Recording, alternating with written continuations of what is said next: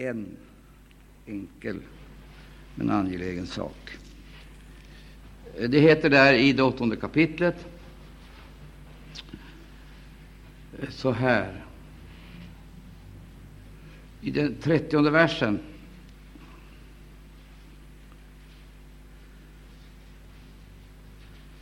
Filippus skyndade fram och hörde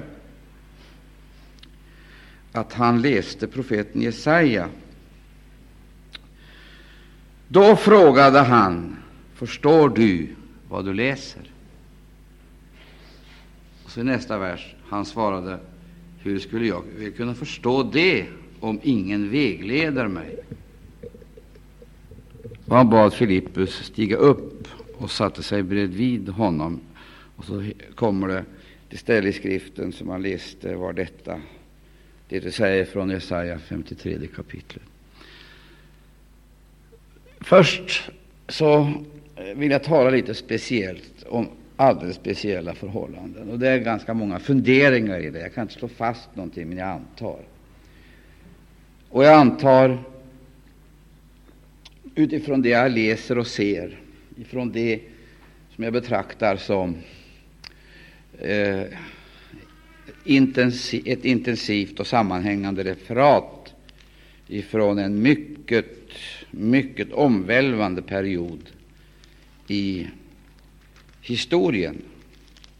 Det är alltså en inledande fas av församlingens historia. Och Vi skulle kunna säga så här, detta är tidlöst. Jag vågar påstå att det är tidlöst. Här finner vi för det första upprinnelsen och orsakssammanhanget, alltså närheten till Golgata, och korset. Och jag vill bara kort och koncist också konstatera att allt det som sker har alltså sin upprinnelse och förutsättning i Golgata. Så man kan aldrig komma förbi eller placera det här på sidan av försoningen. Det här är försoningen, synliggjord och uppenbarad i ett helt nytt folk, ett helt nytt folk som är uttaget enligt en gudomlig princip. Det handlar om utkårelse, utväljelse. Och därför är det eh, inga tillfälligheter som liksom avlöser varandra, utan det är en gudomlig styrning ifrån början till slut. Detta är ju oerhört eh, viktigt att poängtera, för att eh, man kan egentligen inte eh, man kan inte upprepa det här. Det finns inga möjligheter att vidta vissa yttre åtgärder för att åstadkomma samma resultat. Utan eh, det finns en kontinuitet, förvisso.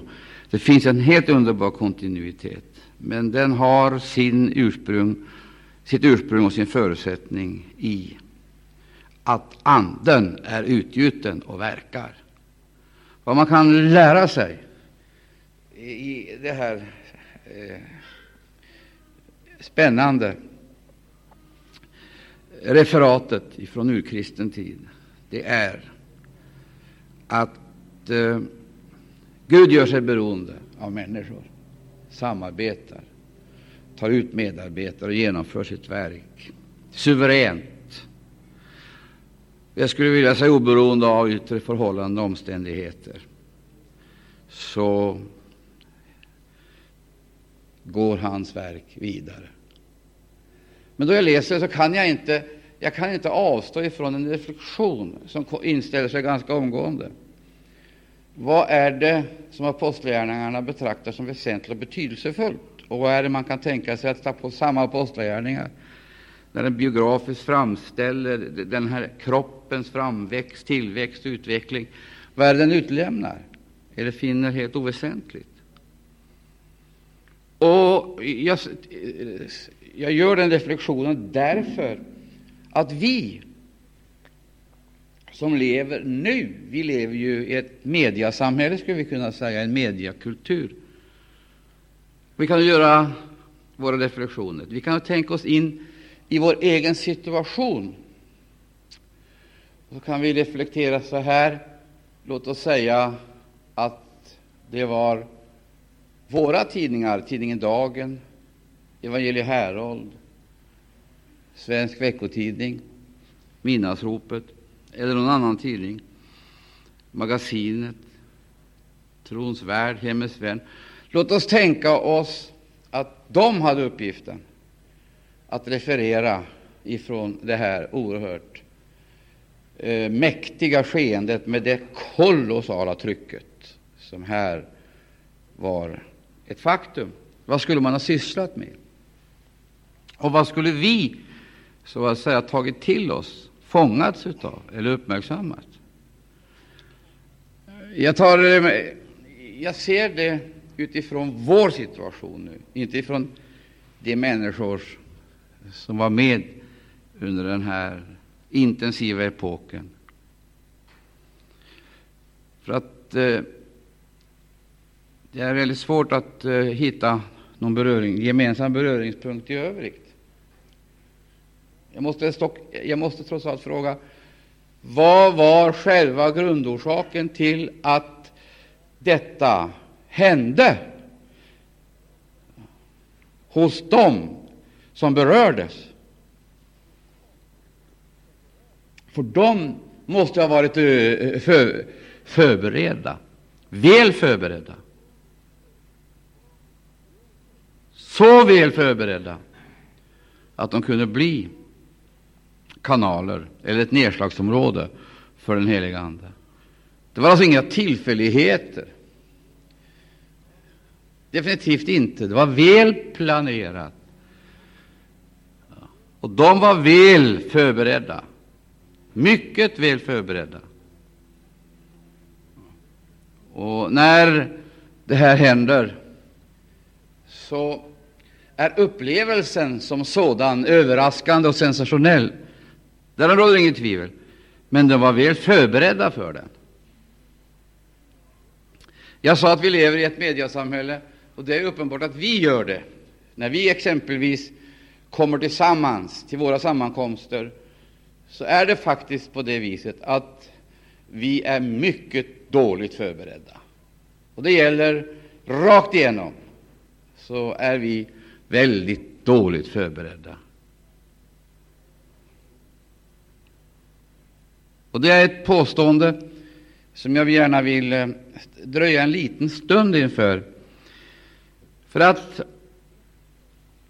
när jag nämnde de här tidningarna eh, som alltså refererar från samtidens gudstjänstliv. Den ena gör det på det ena sättet, den ena, andra gör det på det andra sättet. Den tredje gör det på det tredje sättet. Någon betonar det karismatiska elementet, andra det socialetiska, återigen någon det rent teologiska, undervisande momentet. Ja, det finns så oändligt mycket. Några betonar etiken, och sedan så är det frågan om eh, polemiken om fundamentalistisk tro eller liberal tro. Och alltsammans det här är en oerhörd religiös mixtur som vi har så att säga påverkats av i någon utsträckning. Men däremot vill jag hävda att vi, påverkade av alla de här elementen, mer eller mindre, så är vi på något vis opåverkade av Guds ord. I varje fall så har det en jämförelsevis mycket liten eh, ett mycket litet genomslagskraft. Det är trångt. Där det heter låt Guds Kristi ord rikligen, alltså ge utrymme för ordet. Låt det bo ibland er, står det ju. Men vi kan ju inte påstå att detta i någon större utsträckning är fallet.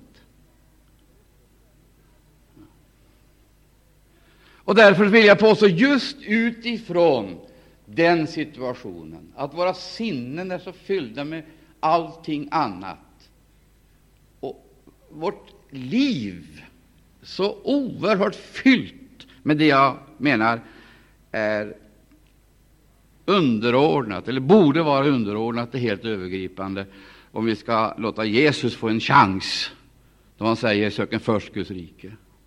Han har en väldigt liten chans. För det är minimalt av hans ord, alltså minimalt av detta eviga himmelska inflytande, förvirrade i våra sinnen, splittrade vad avseende på intressen och engagemang, samlas vi och räknar med att vi var och en ska få någonting eh, som ska stimulera, entusiasmera och göra oss glada och lyckliga, harmoniska och funktionsdugliga.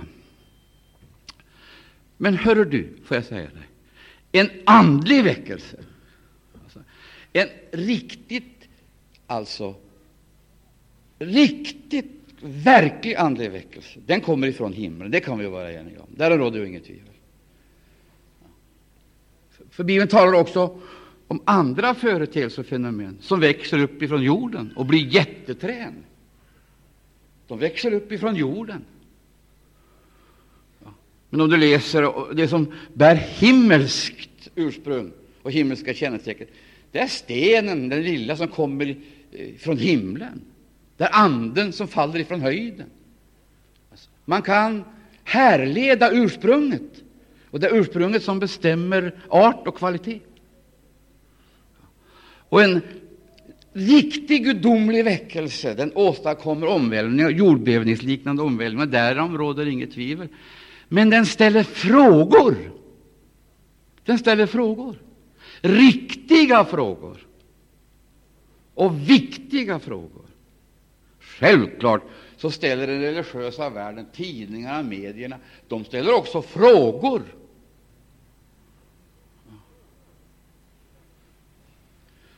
Det gör de, och de gör sina svar. Självklart ger de sina svar. Och en av de frågorna som en andeutgjutelse och väckelse ställer, det är det, förstår du vad du läser? Det är frågan. Förstår du vad du läser? Jag ska inte stanna där eh, längre, för att den här frågan avslöjar ju egentligen väldigt mycket, kolossalt mycket.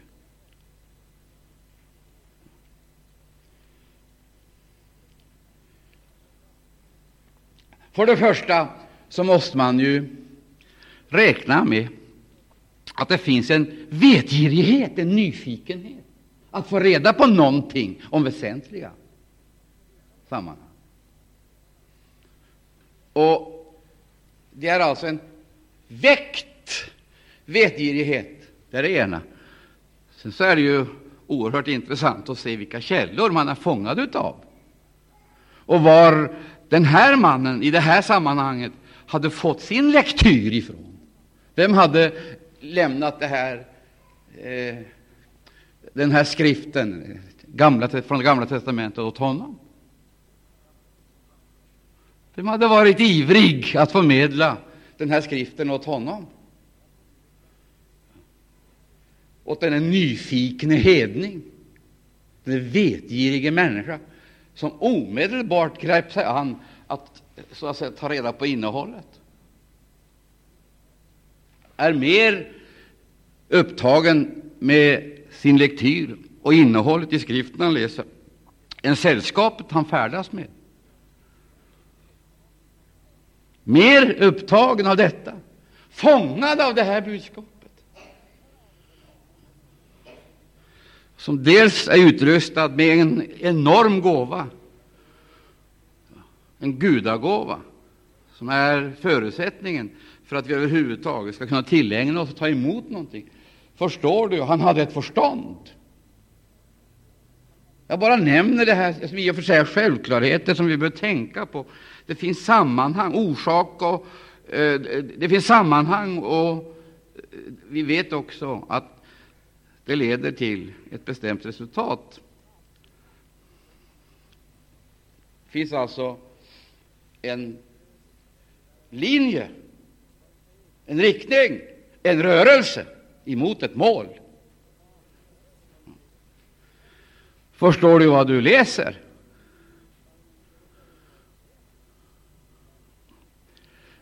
Jag återvänder. Vi lever i ett mediasamhälle. Vi ställer inte de frågorna.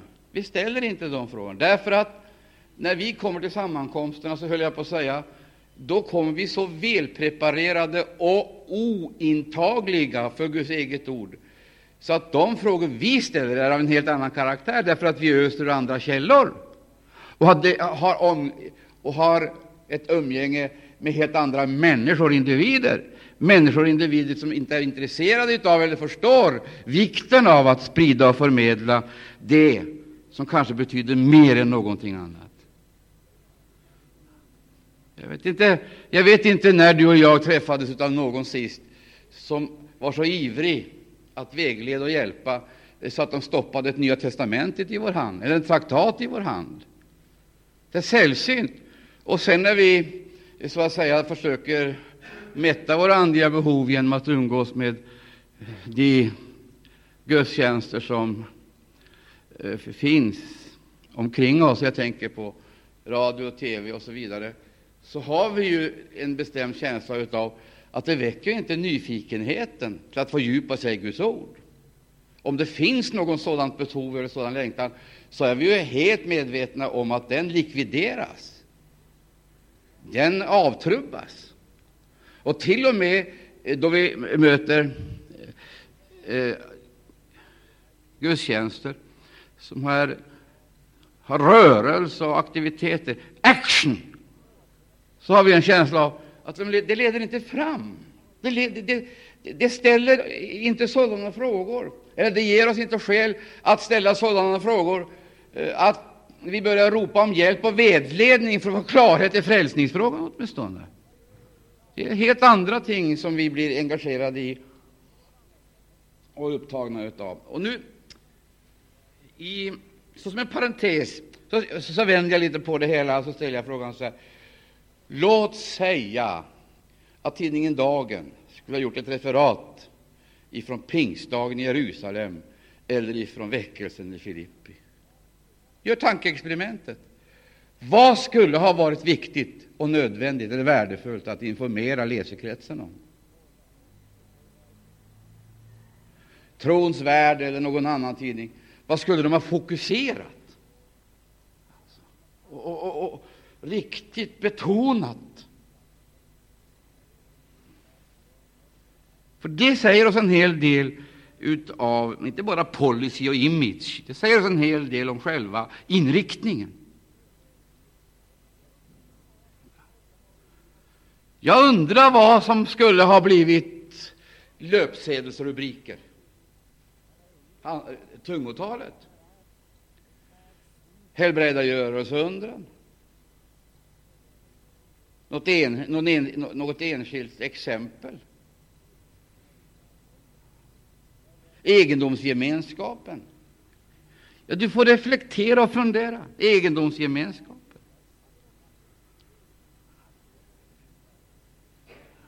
Vad skulle Svensk Veckotidning ha skrivit om? Och för övrigt, vem skulle fått uppgiften att skriva om det?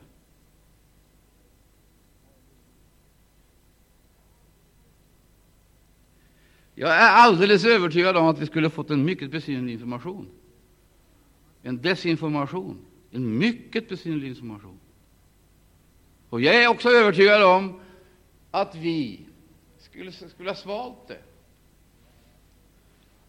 engagerat oss i det, ungefär som vi nu håller på och, och, och, och skriver och berättar och eh, frågar om fallet i Södertälje. Det är ju det som är det stora nu fallet i Södertälje, olja på händer och så vidare. Och varenda en som känner till Bibeln förstår ju att detta är pseudohändelser, fullständigt ointressant, totalt meningslöst. Men det är det som vi sysslar med. Och nu kan vi glömma Södertälje och få flytta oss i tanken till Jerusalem. Och så tänker vi oss att en press som vi omger oss med och är hänvisade till för att skaffa oss uppfattningar i det mesta.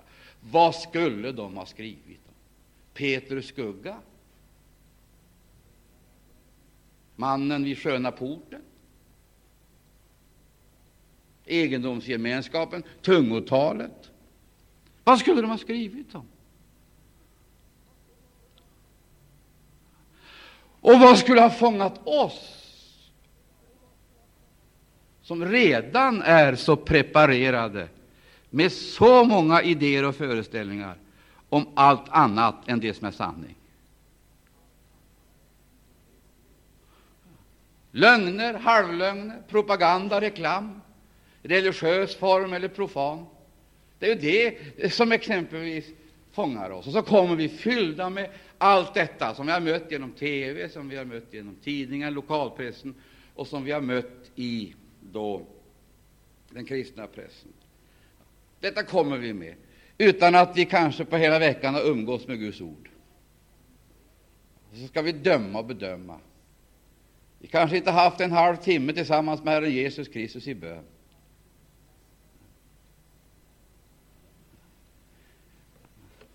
Och ändå så ska vi ta ställning, så ska vi ta prov. I varje fall är det alldeles säkert att den här mannen som vi nyss har läst om, så ställde frågan hur ska jag förstå? Han satt faktiskt på resan från Jerusalem till sin hemstad och läste, läste ur den skrift som förmodligen någon hade räckt honom. Det satt han och läste.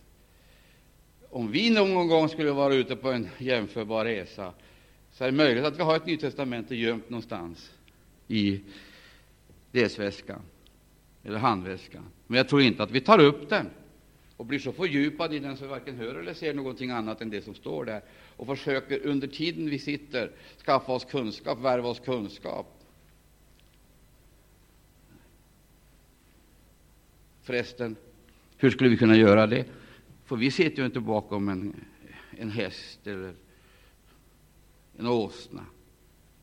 Vi sitter ju i bilratten, far genom landskapen med en fart där vi inbillar oss att nu har vi så bråttom, så nu gäller det att komma fort fram. Lika bråttom har vi med allting. Lika bråttom har vi när vi läser Bibeln, om vi läser den överhuvudtaget. Lika bråttom har vi när vi har bönemöte. Där är det frågan om att så att säga komma upp i varv snabbt, skruva av motorn och ägna sig åt annat. Varför talar jag på det här sättet? Det är därför att vi har skapat alltså sådana förutsättningar att vi kommer snabbt till helvete. Men det går väldigt sakta till himlen. Det går väldigt snabbt till helvete. Och vi kommer dit bekvämt, väldigt bekvämt. Vi låtsas som om vi är kristna och lever kvalificerat som hedningar, sämre än dem. För att bland dem finns det sökare. Men hos de som kallas Guds folk, de är färdiga, de vet allt, kan allt, fast de knappt umgår med urkunden för tron. Och det är, det, det är de som ska presentera den kristna etiken i vårt samhälle. Det är de eh, som ska vara salt i samhället och ljus i samhället. Alltså, vi har i realiteten gjort det omöjligt på alla punkter. Och så länge som vi så att säga blir ja-sägare eller passiviserade åskådare, så är vi ingenting annat än ett stort, jättelikt hinder för Guds verk.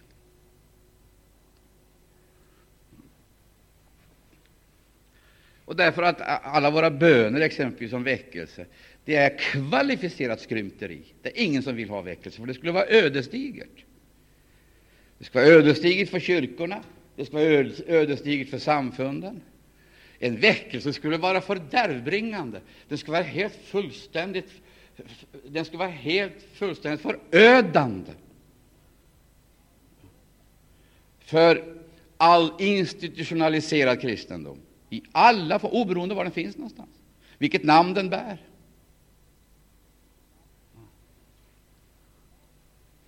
Därför att vi har lärt oss av den värld som omger oss hur man ska slå mynt utav ting som är Hörni, kära vänner, här ligger själva det jag vill kalla för grundorsaken att Gud ingenting kan göra. Han vill, men han kan inte. Jag ska reflektera en liten stund till. Och jag vore väldigt tacksam om alla är med, hjälper till och lyssnar.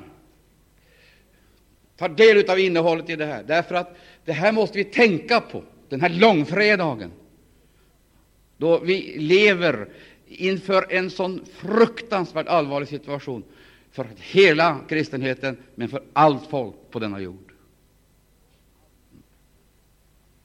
Om vi läser nu i Apostlagärningarna, börjar studera det här lite mer systematiskt och i sammanhang och inte isolerar oss till enskildheterna, exempelvis mannen vid den sköna porten eller någonting annat som är entusiasmerande, utan börja se det här lite mera eh, i sammanhang. Och accepterar sammanhanget och helheten utan att vi gör ett försök av att frisera, lägga någonting till eller dra någonting ifrån. Då ställer jag först den här frågan. Vad är det Lukas intresserar sig för? Och Lukas, det är inte personen Lukas, utan det är faktiskt den penna som den heliga Ande använde. Det är faktiskt inte apostlarnas gärningar, utan det är den heliga Andes gärningar. Och då vi ser den här texten så tuktad som den är, så tuktad. Det finns liksom inga övertoner, lika lite som det finns någon slags svartmålning. Den är oerhört realistisk och jag skulle vilja säga saklig. Det finns väldigt lite av dramatik det är alltså inte dramatiserat på något vis. Det är mycket tuktat. Och det är klart att det här utflödet som möter oss här i Apostlagärningarna, det har ju, det, det har ju sin ursprungskälla, det är klart. Det finns inga möjligheter att ge några rationella förklaringar. Det är frågan om ett uttryck ett överflödsliv genom den heliga Ande. Det är helt uppenbart. Men det är ingenting som tenderar propagandans gränser. Det är ingenting som tangerar ens en gång reklamens gränser. Ingenting. Utan det är väldigt tuktat. Alltså. Och man har heller ingen känsla av att det är några specialintressen som här renodlas eller att det skulle finnas underliggande och icke redovisade intressen, exempelvis ekonomiska, eller att det skulle finnas någonting av karriär eller konkurrens. Det finns ingenting av detta.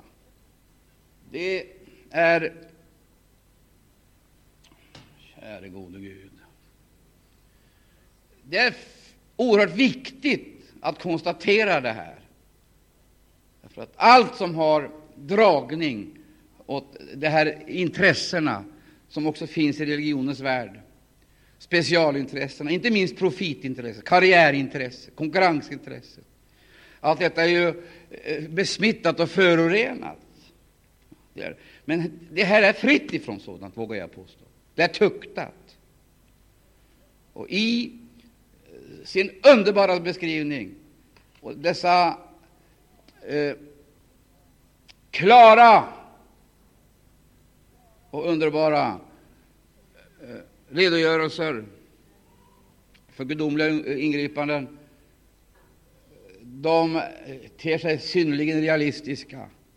Jag säger synnerligen, därför att du märker glädjen finns där, men ingen berusning ingen onykterhet.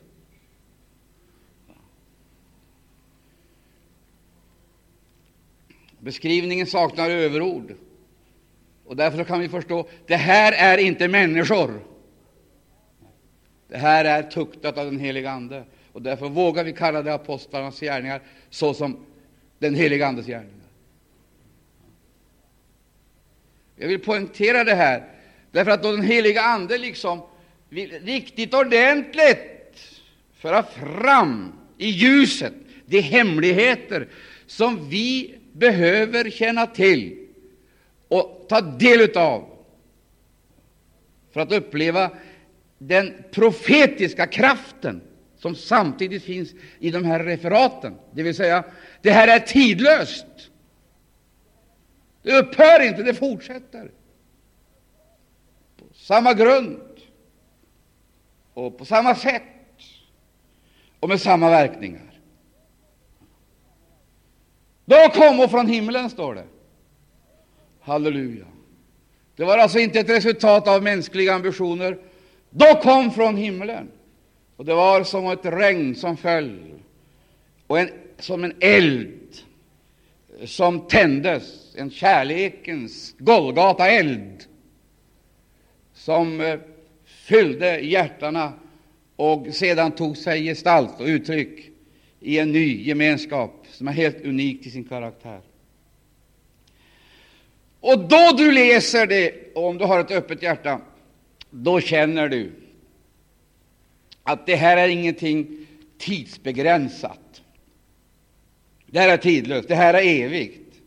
Här möter vi det jag skulle vilja kalla för den heliga Andes mäktiga manifestationer, och du möter det tidlösa mönstret.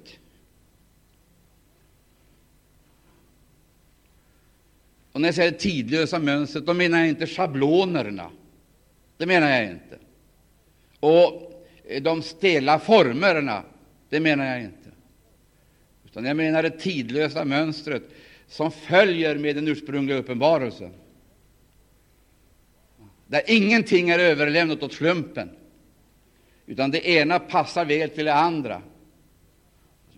Ära vare Gud. Det finns ingen disharmoni mellan det yttre och det inre, mellan det liv som uttryckes och den form genom vilket det uttryckes oberoende av vilket område det gäller, om det är tillbedjan, om det är offer, om det är mission, eh, om det är gudstjänstliv eller församlingsliv, så är det eh, ett utflöde och ett uttryck för en mäktig ande.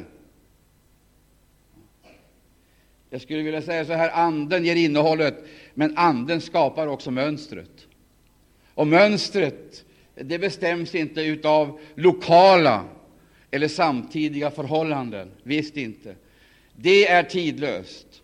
Och hur kan jag uttrycka mig så, eftersom det är så oändligt mycket som skiljer så att säga, olika generationer från varandra med avseende på religion, kultur och andra förhållanden.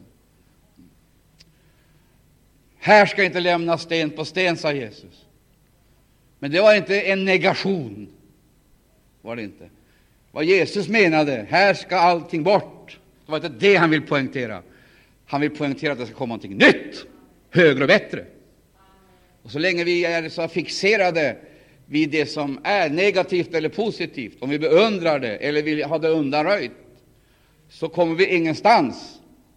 Utan vi måste vara klara med det som ligger bakom, så till den milda grad att vi förstår att det är frågan om någonting nytt som är så annorlunda till sin karaktär att det spränger allt det gamla. Det är inte vi som ska slå sönder det, det spränger det gamla.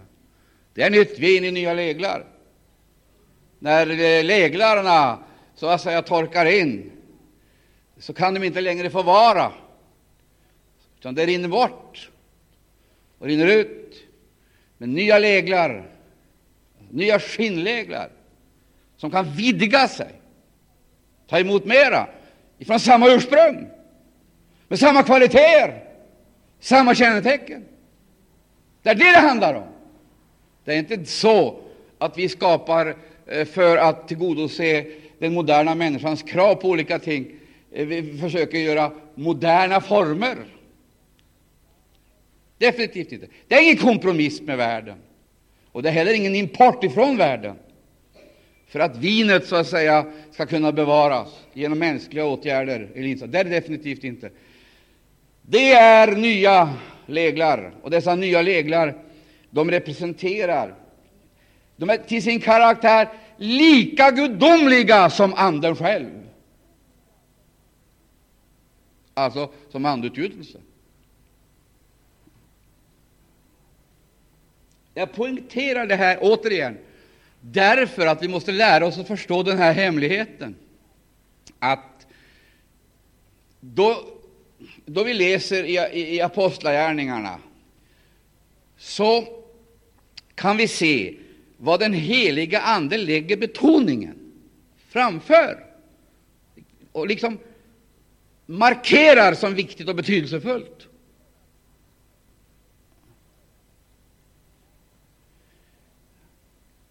I Jerusalem händer det ständigt någonting nytt. Där händer det omvälvande ting. Ifrån eh, pingstdagen så vet vi att det var massor av människor som påverkades. Massor. Massor av människor. Intensiva eh, nedslag med ett kolossalt tryck. Det får vi veta. Vi läser Apostlagärningarna 1 och vi läser Apostlagärningarna 2. Vi ser liksom hur det här formas och utvecklas. Men nog är det förundligt. I denna enorma skara av människor finns det inte ett enda exempel som betonas speciellt. Kan ni förklara för mig? Det finns inte ett enda enskilt fall som lyfts fram av tungotalarna. Icke ett. Det finns icke ett enskilt fall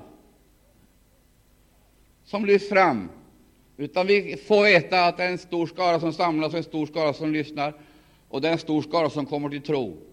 Men icke ett exempel lyfts fram för att det enskilda fallet skulle kanske kunna ge oss hjälp att förstå det stora, händelserika. Att man lyft fram ett enskilt fall och betonat den där mannen, den där kvinnans upplevelser. Icke. Icke ett enda exempel nämns. Du, hör, och se mig in i ögonen när jag säger det här, näst, härnäst. Jag vore väldigt tacksam om ni följer med mig nu som talar, här ifrån predikstolen. För det här är angeläget för oss. Mycket viktigt. Så att vi inte blir periferiska i vårt sökande eller blir offer för det jag kallar för religiös desinformation och lurade. Det finns inte ett enda fall av andeutdrivning eller helbrägdagörelse som lyfts fram. Icke. Det finns ingenting det nämns ingenting om någon som liksom mötte Petrus skugga och blev helbrägdagjord. Man skriver om det, man refererar till det här, men det är ingenting som fokuseras, lyfts fram.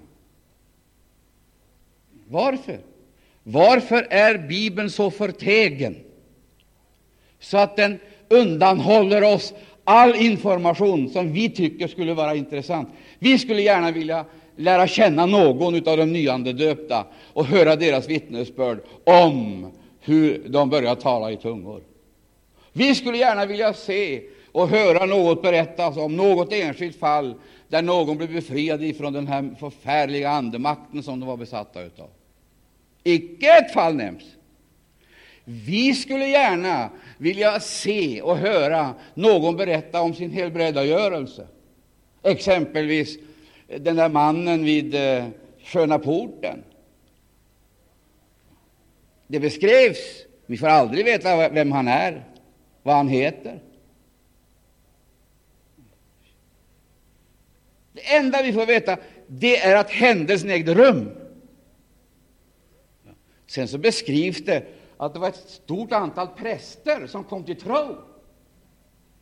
Men det är väl värt att veta, få veta någonting om dessa präster, vem det var, vilka de var, vilken bakgrund de hade och varför och hur. Människor har ju alla tider varit speciellt intresserade av präster, och vi vet ju i vår tid, eh, där man i årtionden hade ett våldsamt motstånd om Andens dop. I alla tänkbara och otänkbara sammanhang så reste det sig upp ett våldsamt motstånd emot Andens dop. Och vi vet ju också att de som förkunnade det här om Andens dop och bar fram det där budskapet, de stämplades ju som svärmare, fanatiker och allting annat. Och så här plötsligt så börjar saker och ting hända. Präster blev döpta i den heliga Ande. Och då fick eh, andedopet så att säga ett bättre renommé. För att andedop i prästrock, det hade ett högre värde och en bättre klang än andedop i blåställ. Andedop för arbetare och andedop för det som ingenting var, det kunde man, inte, det kunde man definitivt inte klassa som, något betydelse, som någon betydelsefull kristen upplevelse. Tvärtom. Det ansågs eh, som en bekräftelse på hur galet det var, så länge det inte fanns visa män och framstående män och andra så att säga, framstående ställning eh, som kunde legitimera andedopet. Men så hände det. Präster kom till tro, eh, skulle jag vilja säga, började söka Andens dop, och så blev de andedöpta. Och då, då var det inte längre andedop, utan då blev det pneum, pneumata, vad heter det? Pneumo, ja, precis. Då blev det något helt annat, akademiskt och så vidare. Och så fick det en fullständigt ny eh, dignitet också i kristna sammanhang. Och vi har skrivit om biskopen här och kyrkoherden där och tycker att det är så storslaget och enormt, storslaget och enormt att dessa teologer och andra framträdande representanter för kristenheten eller kyrkan de bekänner sig till andedopet och börjar predika andedopet eh, som om de skulle ha blivit andedöpta därför att de var präster. De blev ju andedöpta trots att de var präster, naturligtvis. För Gud döper inte präster i den heliga Ande. Det ligger inte på det planet. Andedopet är inte till för teologer. Det är till för svaga människor, oberoende vilken klass de måste ha i övrigt. Det är till för svaga människor som behöver kraft för att bli hans vittnen. Det är själva grundelementet i förkunnelsen, eller var det från begynnelsen. Så när det står att präster kom till tro, en stor hop präster kom till tro, och så lät de sig döpas. Ingen poängtering att rabbinen här eller prästen där eller någon annan storhet e- e- e- eller någon annan eh, så att säga, eh, som hade någon framstående ställning eh, i det profana eller religiösa samhället var ingenting sånt. Ingenting. Den, den är, Bibeln är helt tystlåten. Men däremot talar de om en stor hop präster. Jag har inte kommit dit jag vill komma ännu. Jag vågar knappast gå dit heller. Det känns förfärligt att säga det jag nu ska säga. Det känns helt förödande. Den heliga Ande förstår köpslår inte. Gör den inte. Den heliga Ande har inga gunstlingar. Har han inte. Den heliga Ande kompromissar inte. Där hjälper inte titel. där hjälper inte utbildning. där hjälper inte att man har namn om sig. Ingenting. Ingenting av detta hjälper. Ingenting. Varför jag dröjer kvar vid det här? Därför att situationen då var alltså så radikalt annorlunda än vad situationen är nu. Det innebär inte att eh, eh, det är de yttre förhållandena som egentligen är det avgörande. Det är bara det att vi har påverkats så till den milda grad av samtidens tänkesätt. Alltså vi har påverkats Eh, utav kulturlivet och det religiösa livet så till den milda grad att vi lägger ständigt alltså tonvikten på felaktiga ting. Vi lägger tonvikten på felaktiga ting, och tyngdpunkten alltså, lägger vi alldeles felaktigt. Och därför så får vi vårt andedop, men det är en annan ande.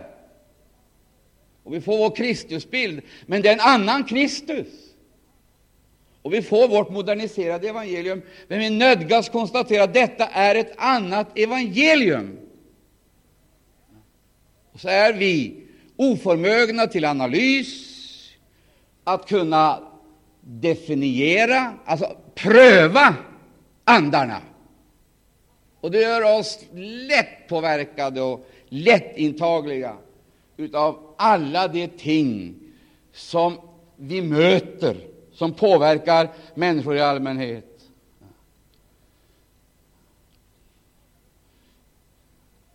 Skakande nog. Och Guds folk i synnerhet. Jag skulle vilja vända på det här, trycka till det här ytterligare, även om jag inte har så särskilt stora förhoppningar att det här ska stanna. För det här kommer vi naturligtvis att skölja bort lika lätt som vi sköljer bort alla andra ting.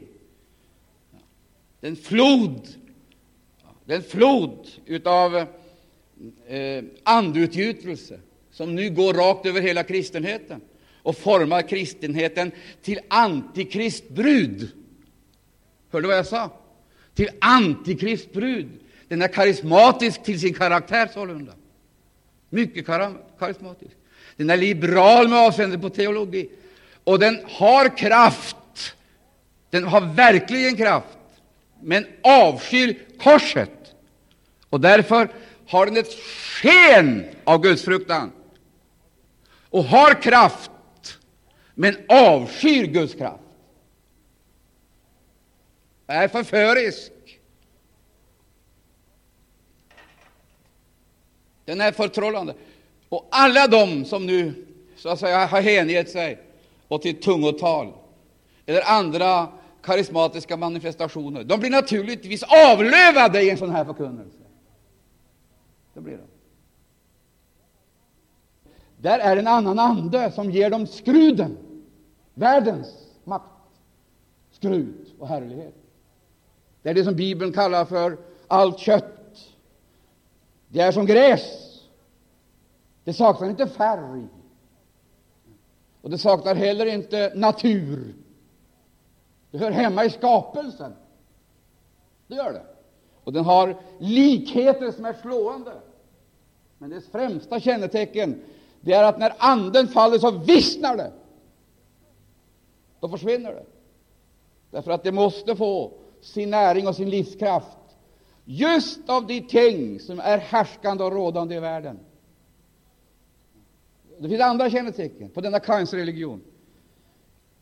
Jag vet att det är förfärligt riskfyllt att tala om det här, för att då höjer man ribban, och människor börjar klaga över att de inte kommer över därför att kraven är så höga. Under åratal har man hela tiden sänkt ribban för att få in många och därigenom förändrat själva rekryteringsförutsättningarna. Man har sänkt ribban. Du behöver inte tro. Du behöver inte tro, bara du är allmänt god, som det heter. Du behöver inte tro på någon jungfrufödelse, naturligtvis inte. Du behöver inte tro på Jesu död och uppståndelse, naturligtvis inte. Bara du har kristen etik, eller vill säga har en vilja att göra gott, då är du kvalificerad till äldstebroder också, om det fattas i ledningen. Då är du kvalificerad till vad som helst. Fastän vi vet att Bibeln säger att varje rot som inte har, plats, har planterats utav honom, den ska ryckas upp med rötterna, säger Bibeln. Så talar man om en kärlek, en kärlek som ska befria. Det, det, det, där har du själva, jag skulle säga, förutsättning för bedrägeriet. Kärleken binder, den är som kittet, sammanhållande kitt. Den, den, den befriar aldrig, den frigör aldrig. Man använder kärleken som ett universalmedel till allt. Kärleken, ett universalmedel som håller ihop. Och, eh, kärleken är ett medel eh, som ska då rädda människor, åstadkomma enhet i ett söndrat släkte, så att säga förena ett släkte som är söndrad genom förbistring. Det är slutresultatet på deras eget arbete. Det är förbistringen, det är Babel vi ser. Och nu ska man med kärlek försöka kitta ihop det som har ramlat i sönder, därför att Gud har trätt ned och inte godkänt dess verk. Jag talar allvarsord till er. Jag vet inte heller om det här har någon som helst betydelse. Men dock måste jag säga det. Detta förfärliga misstag, som du ser alla de här tendenserna utav feminiserade män och maskuliniserade kvinnor. Babel för, vist, eh, för bistringens synliga frukter, där själva skapelseordningen har upplöst i sina inre beståndsdelar. Och den värsta och mest ogudaktiga av alla idéer och filosofer, filosofier som människorna har kunnat hitta på, det är ju folkväldestanken, folksuveränitetstanken, som vi också har fått med in i det som kallas församlingsgemenskap, men som är en babylonisk föreningsgemenskap med religiösa kännetecken.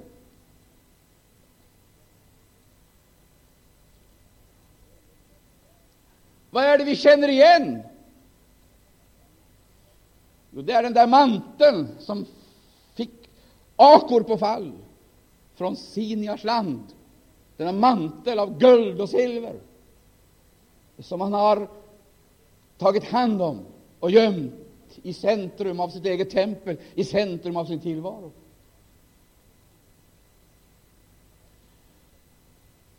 Ja, jag skulle vilja gå vidare, men jag vet inte om jag orkar.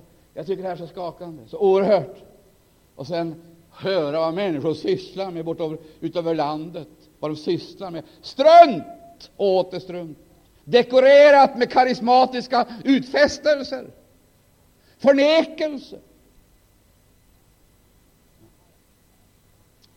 Och vi, vi kan ju förstå, så länge frågorna ställs, så vet vi vad som döljer sig bakom frågan, personen, individen, intresset, avsikten. Vet vi. När man ställer de här frågorna, förstår du vad du läser? Och sitter och är fullständigt fångad av de heliga skrifterna, då är det en helig nyfikenhet väckt av den heliga Ande.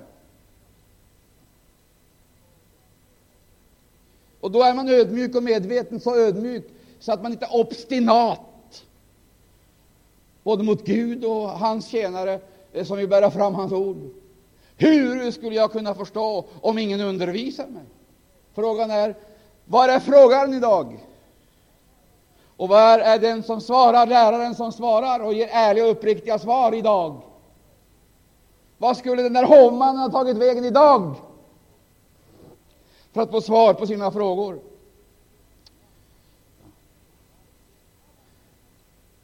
Hade han hamnat i Jerusalem, då hade han fått klara besked. De som då tog emot hans ord lät att döpa sig, det vill säga då fick han klara besked. Därför att man sysslade inte med bisaker och ovidkommande ting som i och för sig är sensationella och intressanta. Man sysslade med väsentliga ting. Vad vilka väsentliga ting? Det var inte frågan om vad man ska äta eller vad man ska dricka. Det är väsentliga ting, men det väsentligaste är var ska vi tillbringa evigheten? Det vill säga, om inte förkunnelse och gudstjänstliv väcker frälsningsfrågan, då är själva förkunnelsen ett hot för själarna.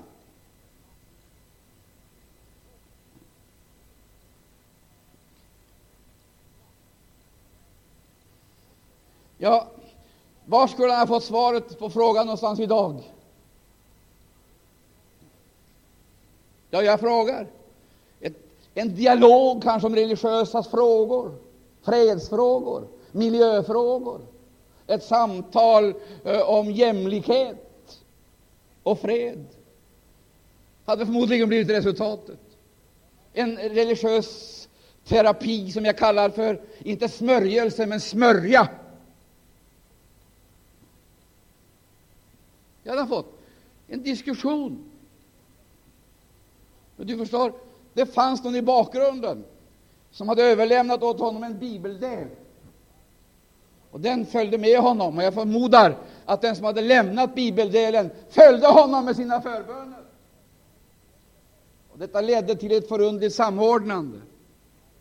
Det fanns en öppen evangelist som hade hamnat i Filippi. Nu ska jag säga det som är helt omskakande och omtumlande.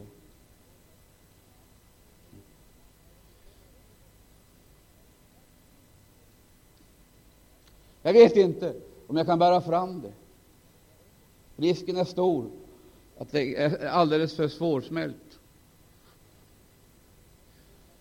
Och det blir ett kräkmedel istället för ett näringsmedel.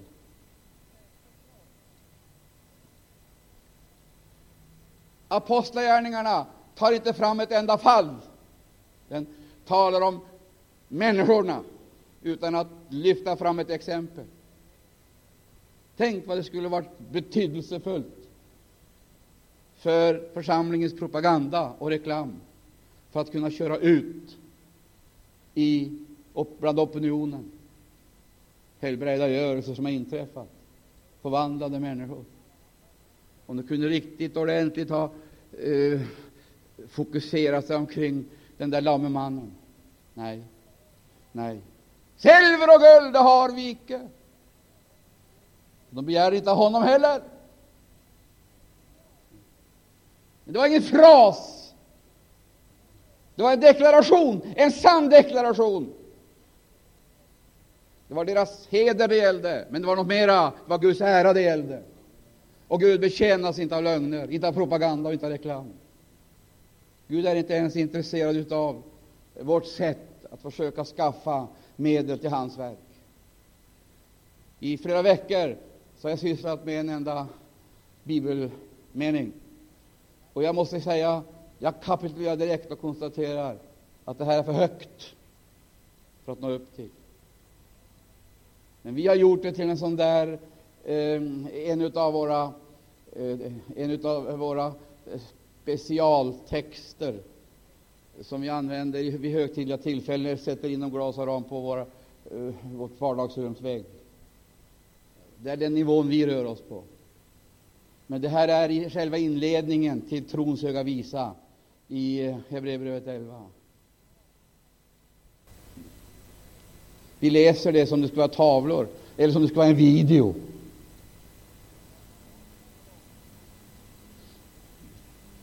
Vi läser det som ett, eh, eh, som en ett informationsmaterial eh, för att vi ska lära känna vår egen bakgrund och vår egen historia. Men vi fattar inte, i varje fall tycks vi inte förstå, att det här är inte bio och video. Det är det inte. Utan det här är en verklighetsskildring given åt oss, för vi ska inte överraskas när vi drabbas av samma saker. För det kommer vi att göra om vi gör de här människornas upplevelser.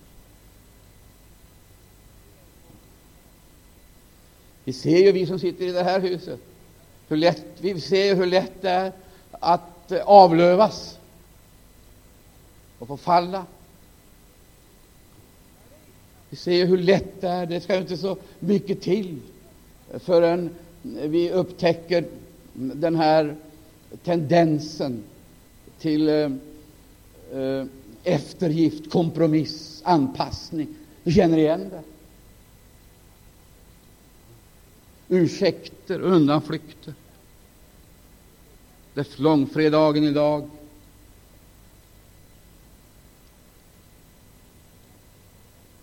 Det är ett oerhört budskap som möter oss.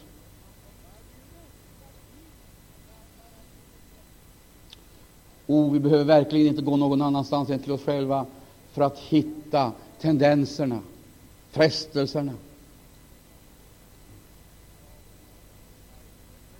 Därför så manas vi också med en så väldig skärpa och tyngd att vi ska ståndaktigt hålla fast vid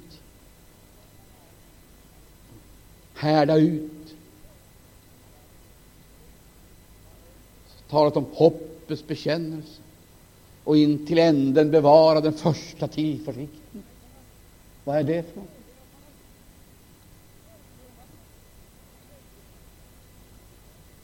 In till änden bevara, hålla fast vid, håll fast det du har, så ingen tager din krona.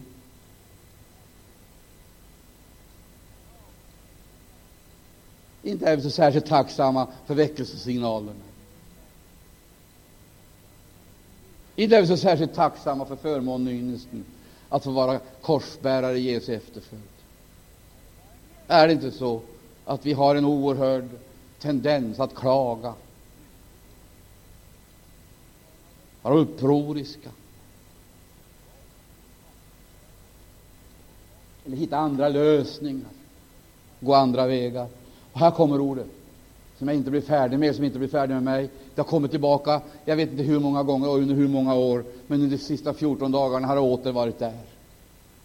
Den rättfärdige, min rättfärdige, ska leva av tro. Tolka det för mig om du kan. Det står inte uppbyggas genom tro, vara välsignad genom tro. Utan leva av tro, leva i och leva av. Leva i hans rike och leva av hans rike. Jag stannar där. Jag vill inte fortsätta, därför att det måste tid till för att kunna ta emot och smälta. Men en sak är i varje fall uppenbar. Det finns inga genvägar för någon.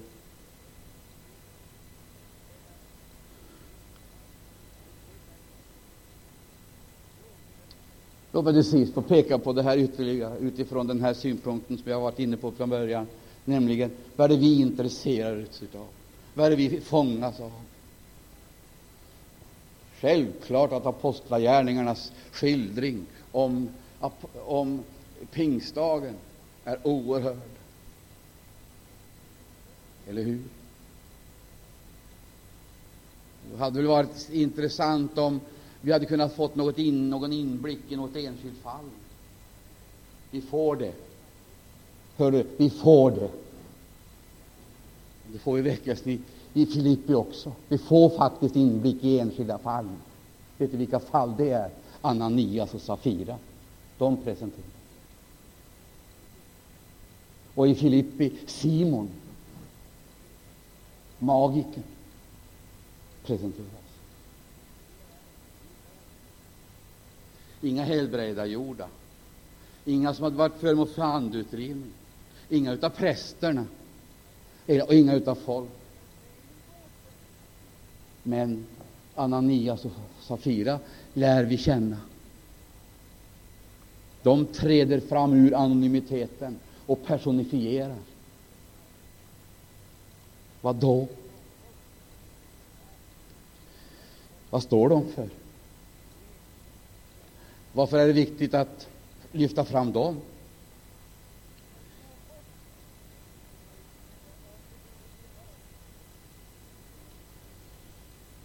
Ja, varför är det viktigt? Och i Filippi, där är det Simon Magiken som presenteras. Varför? Vore det inte det på sin plats att tysta ner? Vad är det det gäller? I båda fallen så gäller det pengar. Båda fallen handlar det om en maktfaktor. De personifierade något väsensfrämmande.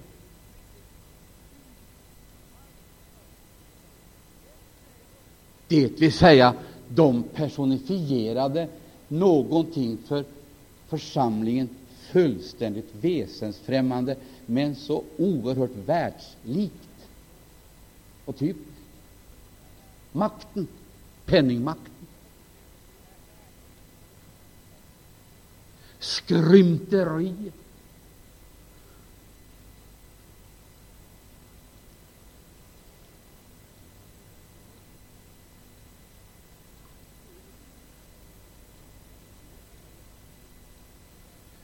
De omnämns. Varför? Ja, varför? Hur gick det med Simon, magikern, efter mötet med Peter? Konfrontation. Du har ingen del i detta. Må du med dina pengar gå in i fördärvet. Du, tusentals anonyma människor drivs in i Guds rike. De nämns inte. Två drivs ut de nämns, beskrivs. Och de står där som skräckexempel, varnande exempel. Inte bara för den tiden, men för Guds verk i alla tider.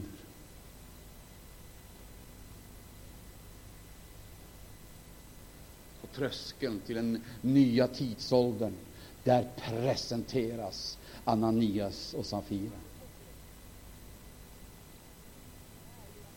Jag ska inte fortsätta analysen, även om det kunde vara på sin plats att göra det.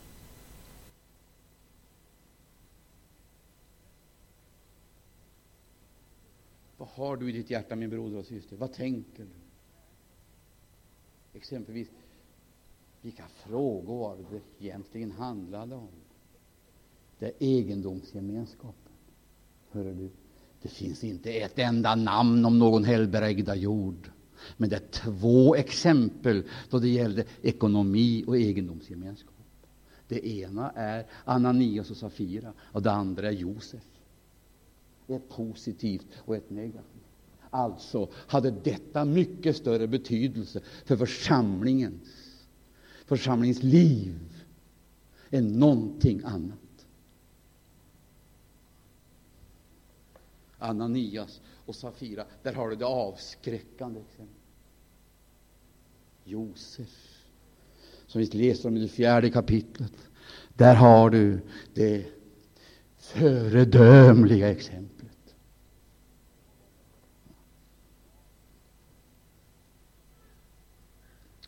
Vid väckelsen i Filippi, vad är det handlar om?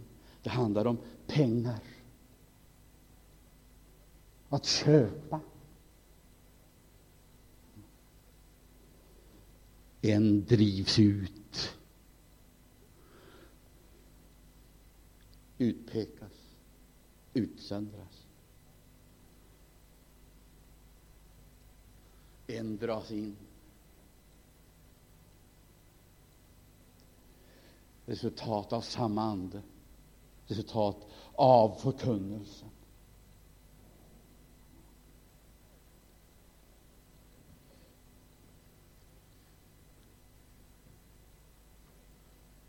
Det finns äpplen, det finns annan frukt som ser tilltalande vacker ut, men där själva kärnhuset är ruttet.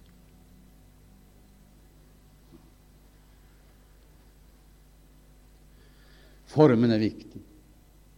Färgen är viktig. Man kan se mycket av det, men definitivt inte allt. Gud är inte nöjd med att se ett yttre skal. Det är en verksamhetsform. Frågan är alltjämt densamma. Lever du? Eller har du namnet om dig och lever, att du lever, men du är död? Vad vill Herren i denna tid? Han vill upprätta sin församling i dess ursprungliga härlighet, med allt vad det innebär. Det innebär sannerligen mera än fysisk hälsa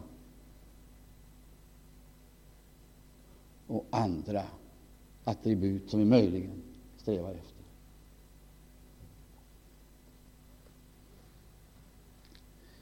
Till sist, förstår du vad du läser? Vet du, det är synnerligen viktigt vem som överlämnar. Det är frågan om vad man överlämnar. Det är frågan om vittnesbördet, om det är trovärdigt.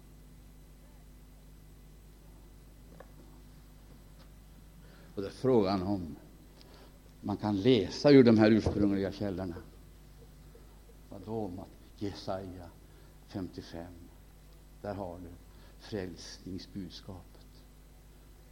Oförvanskat och vägledande. Simon, magikern, säger historien, drog till Rom och blev den katolska kyrkans grundläggare. Sigmund, magikern. Hovmannen drog till Etiopien och blev budskapet till sitt folk om försoning och frälsning. Kan inte lägga någonting mer till rätta, jag bara konstaterar. Det är många som drar omkring på sitt sätt.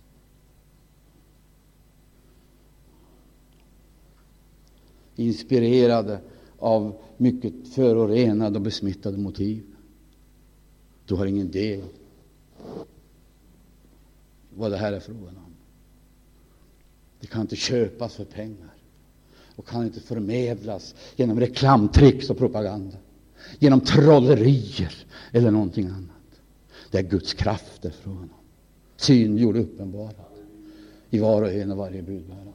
Simon magikern, han drog vidare lika okrossad efter mötet med Herrens tjänare som innan, på jakt efter en ny marknad för att erövra.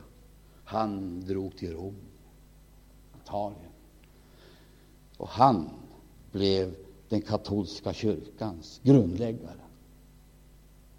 Man har sagt att det var Petrus, Simon Petrus, som blev den första föreståndaren i katolska kyrkan.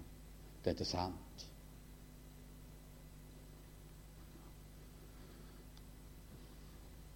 I botten av den kyrkans historia där möter du en trollkarl.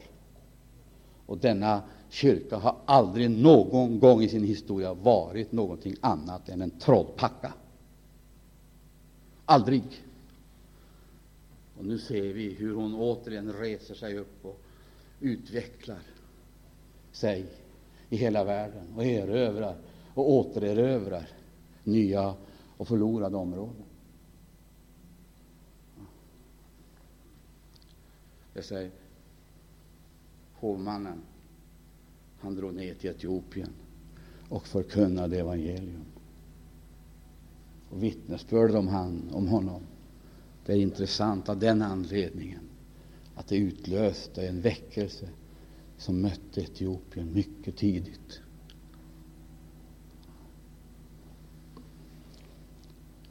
Frågan är fortfarande varifrån har du hämtat urkunden till det du läser? Nästa fråga, förstår du det? Har du fått sann och riktig utbildning? Hur skulle jag kunna förstå om ingen lär mig, undervisar mig? Vem är din lärare? Varifrån hämtar du din undervisning? Det är det som är mission. Mission. Herre Gud, väck oss så att vi inte stirrar oss blinda på tekniska möjligheter att nå massorna. Men ser erbjudandet att nå den enskilda individen med omvändelsens och frälsningens budskap. Icke genom tekniken, för den kan vara bra som ett hjälpmedel. Men det kan definitivt inte ersätta det personliga ansvaret. Och därför är frågan till sist den här: hur gör vi med det ansvaret? Vem får budskapet av oss? Och hur ser det budskap som de får ut? Och budbäraren, hurudan är han eller hon?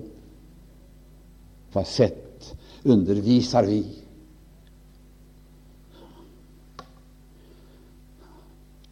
Hur gör vi?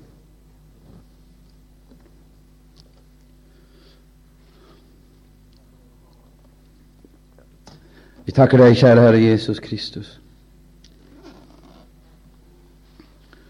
Vi prisar dig, kära Herre Jesus Kristus. Vi upphöjer dig, kära Herre Jesus Kristus, för att allt det som kommer ifrån dig, det är fullkomligt. Det är fullkomligt, det är rent, det är ofördärvat. Vi ser vår benägenhet, kära Herre Jesu frestelse. Gud i himlen. Du ser vår benägenhet och frestelse, kära Herre Jesus Kristus. Kära Herre Jesus Kristus, utnyttja samtidens resurser på ett sådant sätt att det budskap vi skulle bära fram, kära Gud, trängs ut Åh, Herre, låt oss få den här tveeggade skärpan, kära Herre Jesus, och frimodigheten.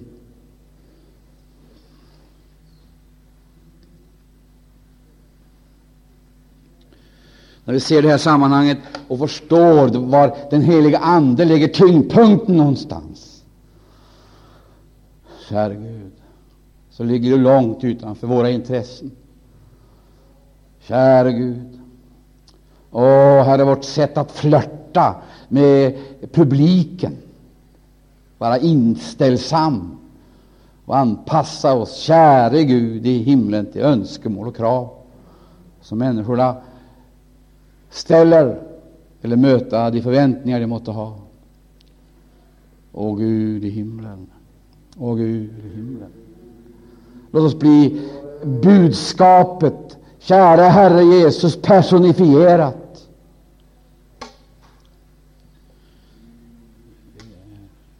Låt det ske.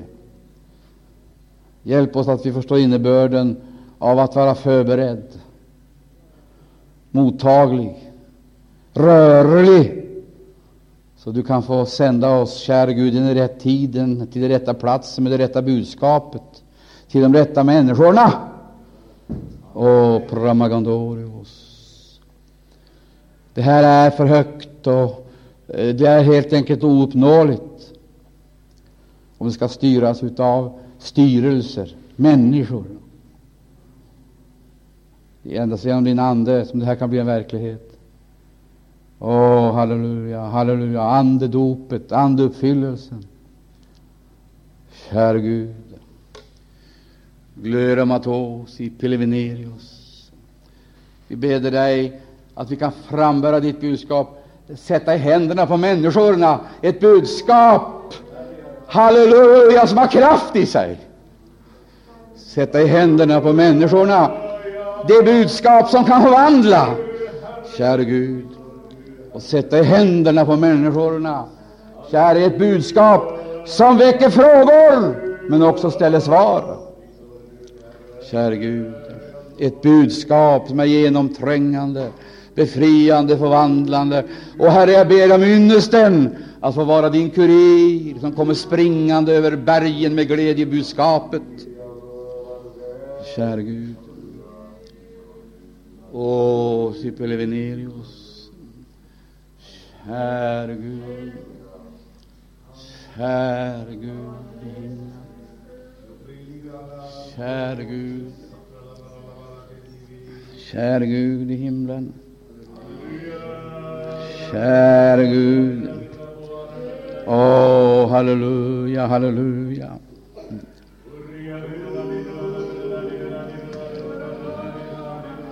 Mm.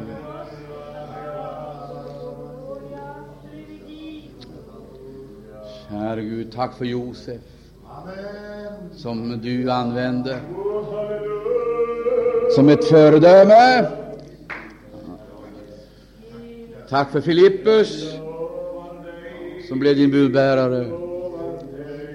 Halleluja. Tack för hovmannen som du ledde in i denna gärning, kära Gud. Tack också för alla varnande exempel som du har placerat på vår väg. Jesus Kristus. Det är naturligt att bli döpt i den helige Ande. Det är naturligt att uppleva helbrägdagörelse. Det är en del i försoningen, detta. Käre Gud. Men det är helt onaturligt, kära Herre, med skrymteri. Det är helt oacceptabelt, kära Herre Jesus. Helt oacceptabelt, kära Herre Jesus, att söka och din kraft och din assistans och hjälp på andra vägar. Vi förstår att du näpser alla former av karriärism, alla former av självberömmelse. Du näpser det. Gud, på det viset har ditt ord framgång, bevaras så den kan fullgöra sina skyldigheter i tiden. Åh, oh, halleluja! Ta hand om oss i denna lilla församling, kära Herre. Att vi leds in i detta liv och bevaras där in till din egen tillkommelse.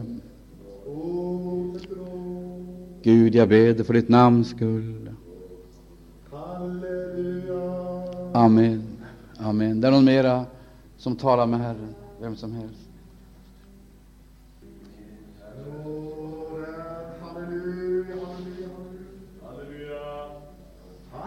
Du, broder och syster, om du överför ifrån evangelisation och modern evangelisationsstrategi, om du överför de moderna idéerna och tankarna, utspelen och förslagen till eskatologin, alltså bland annat budskapet om Jesu tillkommelse.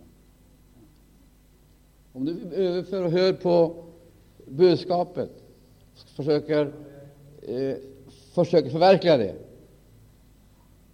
och använder dig samma tankar och idéer med avseende på eskatologin, då kan man säga att Jesus kommer, det är sant, men han ska hämta oss i en sån, vad heter de där nya flygplanen, jätteplanen? Va? Nej, den här som går. Va? De där nya som går från Paris till, vad heter Kong? Ja. Det verkar som om skulle komma och hämta oss med en Concorde. Sånt där. Eh, det, det, alltså, jämförelsen är fullständig. För att det är tekniken som ska frälsa världen. Och det är tekniken som ska ta oss härifrån, vilket ju inte är sanning. Det är inte TV som ska frälsa världen. Det är inte radio som ska frälsa världen. Det är inte medierna som ska frälsa världen. De hindrar människorna i stor utsträckning att bli frälsta.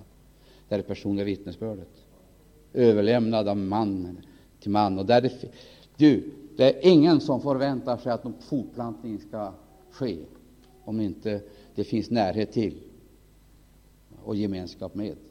Det är kroppslig gemenskap.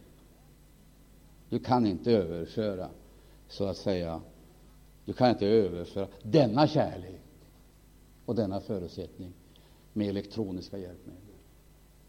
Ska det bli en fortplantning så må det äga rum närhet, kärlek. Då kan det ske en befruktning. Det är likadant i Guds rike, det ska du komma ihåg. Exakt likadant. Det innebär inte att tekniska hjälpmedel är betydelselösa. Visst inte. De har betydelse, men de får definitivt inte ersätta själva människan. Budskapet förs vidare från mun till mun eller man till man. Här är faktiskt den metoden aktuell. Man måste överföra sin egen värme, andas in sitt eget liv, för att det som är dött ska resas upp. Jag vill säga, det är inte tekniken som ska föra oss hem Gud på Det är inte tekniken som kan frälsa människorna. Det är någonting helt annat. Det är därför du är så betydelsefull i hans värld. Men inte dina talanger, de är värdefulla. Men här har de liten betydelse. Du måste ha ett liv som kan fortplantas. Ett utseende som kan överföras. Närhet som sprider kreativ värme. Och det är här vi har misstagit oss, framför allt vi som lever i västvärlden. Vad är det som gör att vi saknar känsla? Det är lika bra att sätta på en maskin och låta den gå. Band låta det spela. Det är mekaniskt, tekniskt, men det saknar hjärta, värme och fortplantningsförmåga. Jag säger det igen, tekniken är bra, men den här är den helt underordnad betydelse.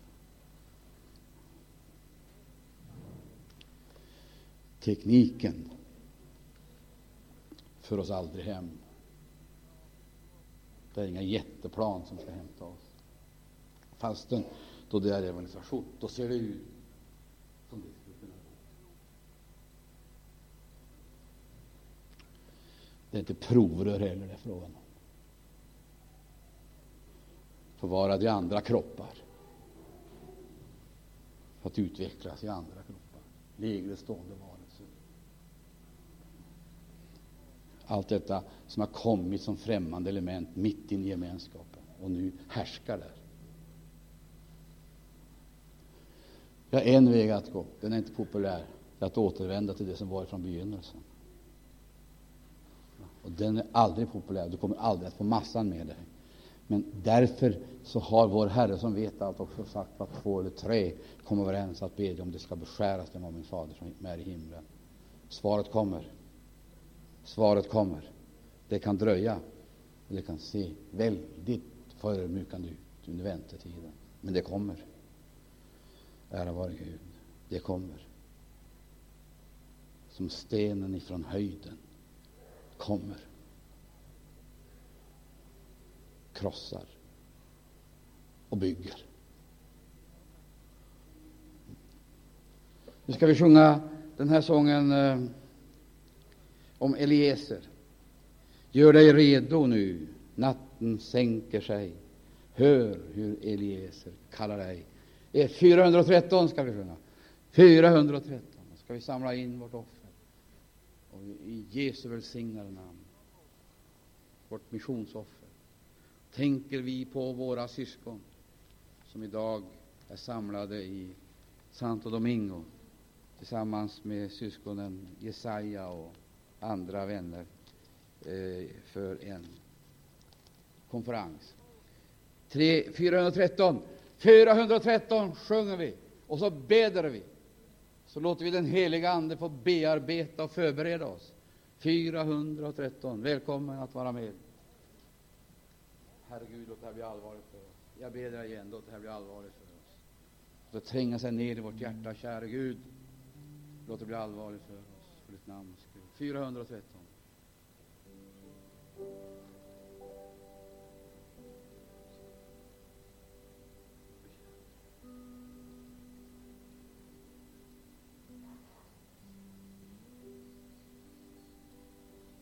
Vi sjunger.